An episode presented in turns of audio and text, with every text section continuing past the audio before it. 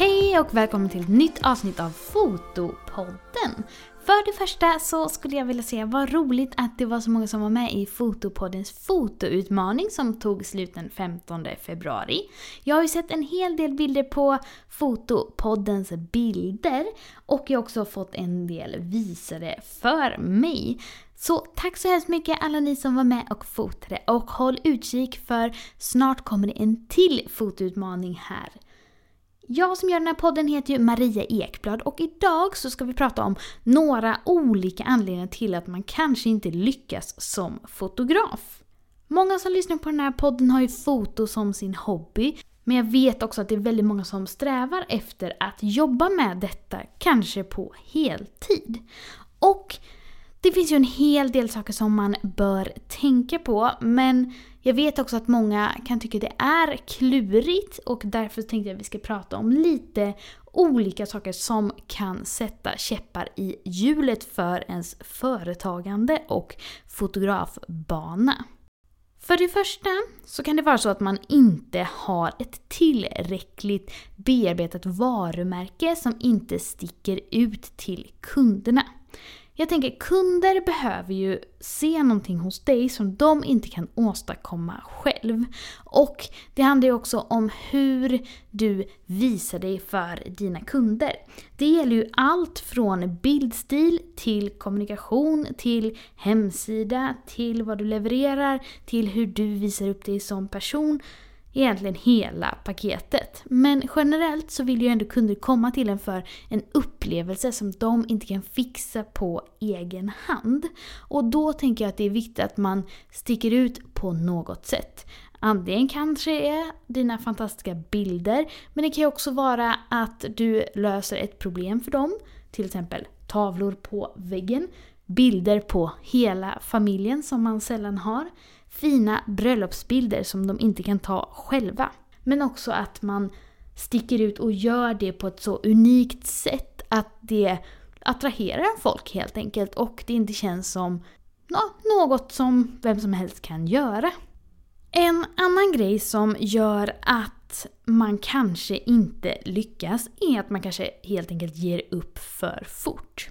Jag vet verkligen hur det känns att vara där och man vill att allting ska hända nu, nu, nu. Helst igår.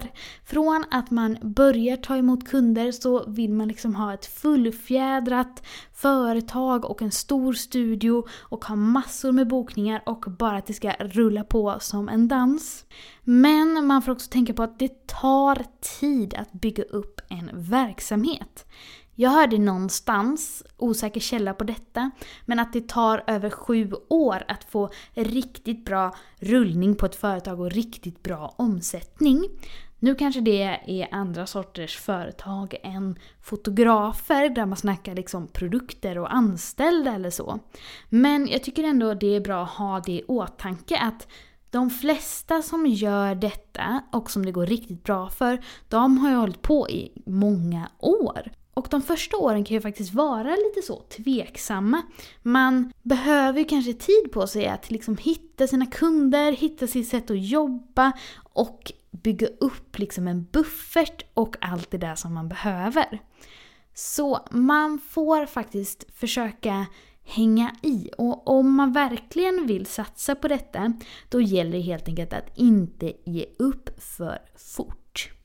Och en annan anledning som hänger ihop med det här att man kanske ger upp för fort, det är att man kanske inte har råd att bygga upp sitt företag och därför behöver att saker händer idag.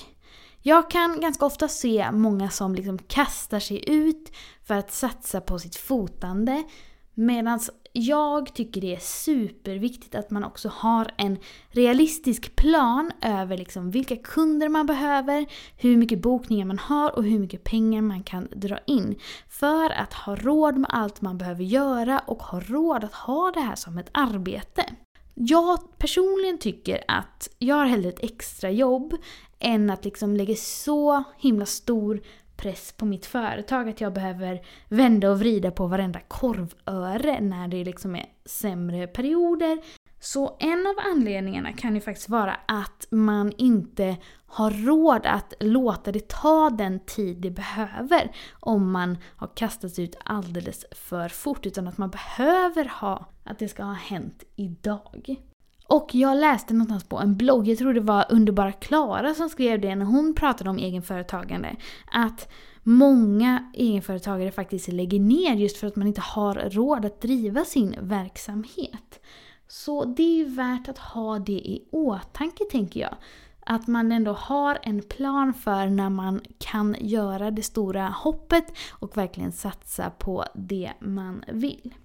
En annan anledning till att man kanske inte lyckas hänger också ihop med det här och det kan vara att man inte har tid att lägga på sitt företag för att driva upp det så mycket som man behöver för att kunna ta hand om alla de här kunderna som ska generera pengarna. Eller att man inte har tid att ta fler bokningar. Och det kan ju vara lite moment 22 det här. Det är snarare den här delen som jag kanske har hamnat i några gånger när jag helt enkelt har haft ett annat jobb som kanske har krävt ganska mycket av mig och samtidigt haft mycket bokningar men helt enkelt inte haft tid att ta in fler kunder fastän det är faktiskt det som jag allra helst vill göra. Och man får väl fundera lite där över vad som passar bäst och vad som är läge för vad.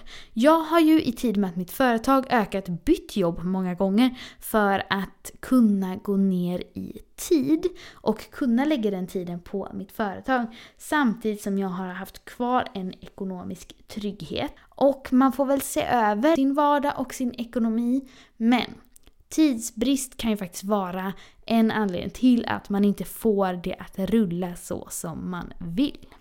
Och en till anledning till att man inte lyckas, det tänker jag är att man inte satsar på detta ordentligt och inte behandlar detta som det jobb det faktiskt är. Det är ju jättemånga av oss som börjar med detta för att man tycker det är roligt och jag tror att alla som lyssnar här brinner för foto på ett eller annat sätt. Men om man vill ha det här som sitt faktiska jobb, då tror jag det är jätteviktigt att man också då behandlar det som det. Det vill säga att man försöker sköta saker så proffsigt som möjligt när man börjar ha betalande kunder. Att man bygger upp system för hur man hanterar saker. Att man jobbar med avtal när man har kundfotograferingar. Men också att man tar ut en ordentlig lön och därmed tar ordentligt med betalt. Jag har gjort ett annat poddavsnitt som heter Är jag för dyr som fotograf? Som jag tycker du ska lyssna på om du vill ha lite pepp kring det här med att ta bra priser. Men jag vill också tipsa alla om Svenska Fotografers Förbund. För de har en prisguide. Nu tror jag inte de har släppt någon för 2021. Men där finns prisexempel på till exempel vad en högupplöst JPEG-bild bör kosta enligt någon form av branschstandard. För jag vet att det är superläskigt när man börjar och man kanske jämför med vad man själv hade kunnat lägga pengar hos en fotograf och jag vet att man funderar alldeles för mycket på vad kunderna kan tänkas vilja lägga på ens bilder istället för att räkna från andra hållet och tänka vad behöver jag för att ha råd att driva detta som ett företag? För sen, om man jobbar på sitt varumärke, om man har tid att lägga på sitt företag, så kommer man kunna nå ut till rätt kunder som betalar ordentligt för fotograferingar. För de kunderna finns där ute, absolut. Det gäller bara att jobba smart och nå dem. Och med det här poddavsnittet så menar inte jag att vara negativ, utan jag hoppas att de här anledningarna kan peppa er att tänka på de här fallgroparna och se om ni kan göra något annorlunda. Kanske behöver du se över din vardag. Kanske kan du gå ner i tid på ditt jobb. Kanske behöver du räkna lite mer på ditt företag innan du tar det stora hoppet till heltid. Eller kanske behöver du göra en prishöjning idag. Det var allt för den här veckan. Jag hoppas att ni blev peppade av detta och så hörs vi nästa tisdag med en spännande intervju med en ny fotograf.